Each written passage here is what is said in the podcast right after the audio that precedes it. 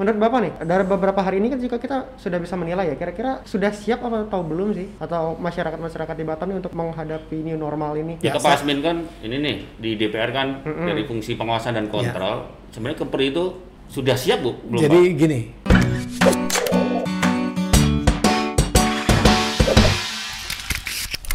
Uh, jujur bahwa siap tidak siap memang kita harus hadapi.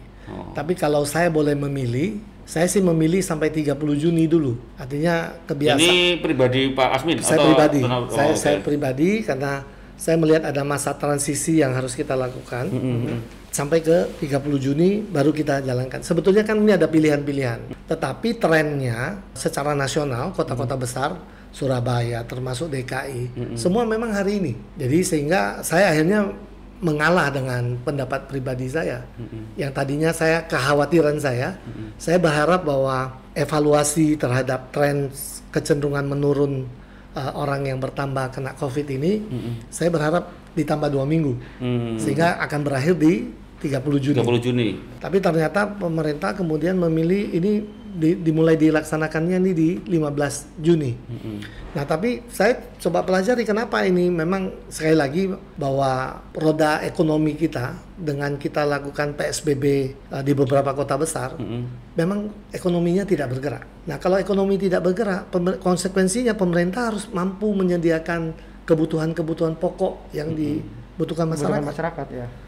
Maaf sekali lagi anggaran pemerintah kan juga terbatas. Terbatas. Jadi ini memang pertimbangan yang berat, tapi nggak ada pilihan. Ini harus dilakukan. Tapi sekali lagi saya berharap dengan disiplin, dengan kerjasama dan dukungan masyarakat Batam, masyarakat Kepulauan Riau, kekhawatiran kita ini bisa kita hindari. Iya, Pak kalau WHO kan ada syarat tuh, menetapkan syarat tuh untuk untuk new normal. Salah satunya adalah pemerintah harus membuktikan bahwa transmisi virus COVID-19 sudah dikendalikan. Kemudian salah satu juga risiko penularan wabah sudah terkendali terutama di tempat-tempat yang rentan tinggi. Ya. Iya kan? Terus rumah sakit, sistem kesehatan sudah tersedia. Betul. Nah, terus Pak Asmin tadi bilang kalau menurut Pak Asmin eh, baru meng- mengusulkan akhir bulan. Ya. Apakah tadi syarat-syarat itu menurut Pak Asmin di Kepri Be- atau di begini. Batam belum siap? Memang eh, tentang itu tentu kita masih bisa debatable ya. Kita masih bisa berdebat karena tentu harus berbicara sesuai dengan data. Tetapi upaya-upaya yang dilakukan oleh pemerintah daerah, baik pemerintah provinsi maupun pemerintah Kota Batam, itu betul-betul sudah mengarah seperti apa yang dikatakan oleh WHO. Mm-mm. Satu kita lihat trennya, Eh, rumah sakit khusus yang digalang, Oh, jumlah pasiennya galang. kecenderungannya turun. Oke. Kalau kita ngambil nasional eh, di Wisma Atlet juga pasiennya kecenderungannya turun. Jadi memang trennya turun. Kalau turun berarti relatif bisa terkendali. Mm-mm.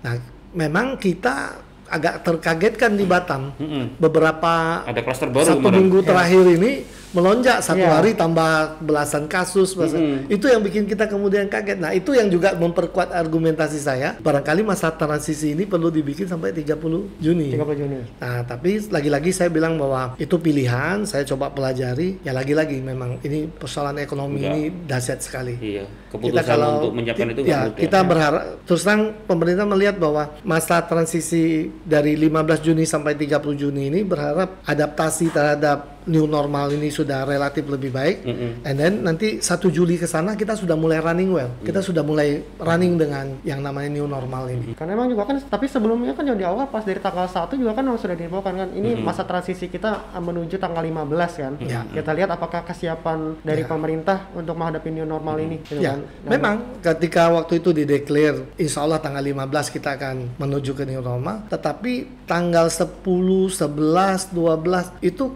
kasus-kasusnya malah malah ini ya. meningkat. Itu yang kemudian membuat kita agak shock kan, bahwa kok kita mau mau beralih, malahan ini meningkat gitu loh. Mestinya kan logikanya kita beralih ketika trennya sudah turun, Turun. gitu. Turun. Ya. atau terkendali lah. Terkendali misalnya. ya. Ah. Ya tetapi memang kalau kita lihat jumlahnya masih ya kalau bilang terkendali kalau dengan ukuran 10 sampai 15 ya sekarang terkendali di situ. Tapi kan kita kalau bisa kan jangan jangan sampai ada lagi gitu loh kalau bisa. Tapi ya lagi-lagi semua ini kaitan dengan disiplin. Saya berharap melalui kesempatan ini himbauan kita kepada masyarakat terus pemerintah nggak akan bisa apa-apa kalau tidak dapat dukungan dari masyarakat. Betul, betul. Dukungan masyarakat tidak perlu macam-macam, cukup disiplin aja. Semua Ikutin patuh, cuci ya. tangan, jaga jarak, Dan satu hal, masker itu wajib karena dari berbagai penelitian dengan kita memakai masker, insya Allah kita upaya pencegahannya sudah sudah lebih lebih dominan. Iya, kemarin kita podcast dengan Cak Nur, Pak Asmin,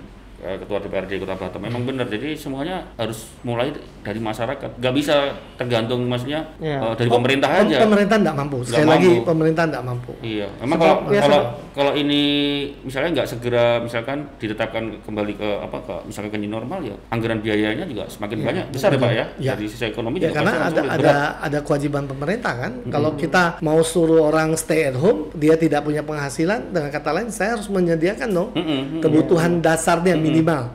Ya tadi saya lihat ada sembako yang terdiri dari 10 kg beras, ada satu kotak Indomie, ada tiga liter minyak. Saya kira itu eh, sebetulnya bukan itu kalau dibilang cukup tidak Nggak sebetulnya. cukup, betul. Tapi paling tidak itu memberikan dukungan ya bantuan kepada masyarakat. Nah, tapi di situlah sebetulnya yang kita ingin katakan bahwa pemerintah harus mendapatkan dukungan dari masyarakat Iya. untuk bersama-sama. Kalau untuk menghadapi pandemi COVID ini, kalau tidak ada bersama-sama, kalau cuma andalkan pemerintah saja juga tidak bisa. nggak selesai selesai Tidak selesai-selesai. Iya. Pak, kalau emang kalau udah ke new normal gitu, emang sembako nggak ada lagi, Pak? Maksudnya bantuan sembako nggak dikasih lagi ke masyarakat? Kalau kami di DPRD provinsi memang penganggarannya ini kan sebentar lagi kami akan masuk ke APBD perubahan. Mm, mm, mm, mm, mm. ya sangat sangat kita lihat eh, kemungkinan kemungkinannya karena lagi-lagi ini ketersediaan anggaran ini kan juga relatif terbatas ini. Sudah dirasionalisasi di sana sini ya dapatlah angka sekian ratus miliar kemudian ini dilakukan. Kan tidak hanya sembako juga dukungan peralatan. Mm, mm,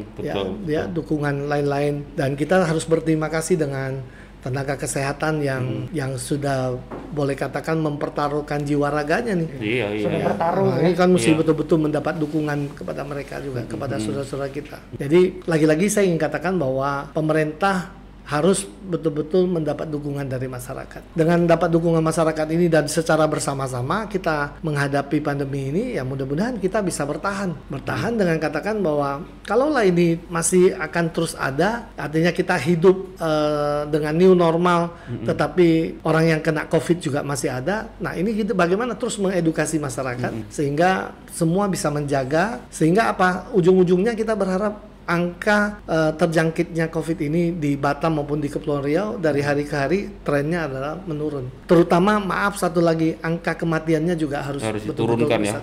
Ya karena kita lihat juga di beberapa negara maju ada yang kenanya relatif besar, angka kematiannya kecil. Tapi juga ada yang angka kenanya biasa-biasa atau angka kematiannya kematiannya besar. tinggi. Ya. Nah ini menunjukkan bahwa kesiapan daripada masing-masing Iya, iya, negara. iya. Nah Pak, ini sebelum adanya pandemi corona ini juga kan untuk masalah di Batam nih Pak, untuk industri terus juga pariwisata juga emang sebelumnya emang udah mulai turun ya. Nah ini untuk pandemi ini menghadapi ini normal, kira-kira bisa jadi harapan nggak nih? Kira-kira? Ya, pariwisata eh, bisa nggak Pak? Jadi Nah, pariwisata dan- bisa menggerakkan ekonomi lah paling nggak. Jadi di samping sektor industri memang bidang yang relatif cepat recovery-nya tuh di tourism, di pariwisata. Oh. Tapi pariwisata kita ini kan selama ini maaf pintu gerbangnya memang lewat Singapura lebih banyak. Mm, mm. Iya. Wah, padahal Singapura Wisatawan. Nah, Singapura ini masih close sampai tahun. Desember. Sampai Desember. Nah ini yang terus terang eh, kami bincang-bincang dengan eh, Kepala Dinas Pariwisata Provinsi, mungkin kita mesti menggalakkan wisatawan Domestik. Nusantara Iya, yang lokal ya. domestik ya. Kalau tadinya wisatawan mancanegara, tapi sekarang mungkin kita memaksimalkan eh, wisatawan Nusantara yang domestik. Karena apa? Karena kalau kita mau lewat dari Singapura, ini sekarang sementara tertahan. Iya. Karena Singapura belum tahun lagi. ya dia buka sampai ke akhir tahun dan saya kira lagi-lagi ini baru kita berbicara dan saya lihat Pak Ardi Kepala Dinas Pariwisata Kota Batam mulai menyusun program yang di 2021 Hmm, iya, iya. ya sehingga maaf dari bulan Juli sampai ke Desember ini masa transisi yang ya beberapa hotel sudah mulai saya lihat beberapa hotel sudah mulai siap-siap untuk beroperasi tetapi sekali lagi kalau wisatawan luar negeri tidak masuk kita betul-betul hanya mengandalkan uh, wisatawan Nusantara saja Iya. Iya. dan ini selama ini porsinya belum terlalu besar Kecil. dan wisatawan yang Nusantara yang datang ke Batam itu biasanya karena kepentingannya mau ke Singapura Singapura benar. Karena Singapura kan di close. Singapura. Singapura. Nah, kalau sekarang Singapura di close, dia datang ke Batam terus mau ngapain? tujuannya mau ngapain Iya. itu dia. Nah, sehingga kita berharap yang namanya MICE itu, yang namanya convention dan sebagainya, kita berharap juga program-program nasional beberapa di dipusatkan di Batam. Jadi kita juga mendorong dinas pariwisata menangkap juga konvensi-konvensi yang bertaraf internasional eh, yang dilakukan oleh Kementerian Pariwisata maupun kementerian terkait itu dilakukannya di Batam. Tapi Pak eh, acara-acara MICE gitu, meeting-meeting di Batam itu kebanyakan kalau saya punya teman di Jakarta, di daerah lain tuh meeting di Batam ya karena gimmicknya Singapura. Singapura. Iya, Ini iya. Gi- repot juga, gimmick- harus harus gimmicknya- kreatif itu. Gimmicknya karena ya nanti ada acara salah satu sesinya adalah mengunjungi Singapura. Singapura, Nah. ya. Dan sekarang dengan Singapura close kita Iya. nggak bisa jual Nggak itu. ya. Jadi kita nggak bisa jual itu. lu- dari mengadakan dari Singa- Singapura udah udah close nih sampai akhir tahun karena Singapura memutuskan eh, apa- Malaysia juga sama loh. Kalau saya Ah. nggak salah Malaysia juga melakukan hal yang lebih kurang sama sampai hari Nah, ini. terus kalau mau menyasar domestik, apa destinasi wisata di Batam ya saya bilang nggak ada yang menarik pak. Iya. bilang ya ini ya, memang PR besar nih harus Pak Bang Ardi atau Pak Burhanimar provinsi maupun harus Jadi jadi gini,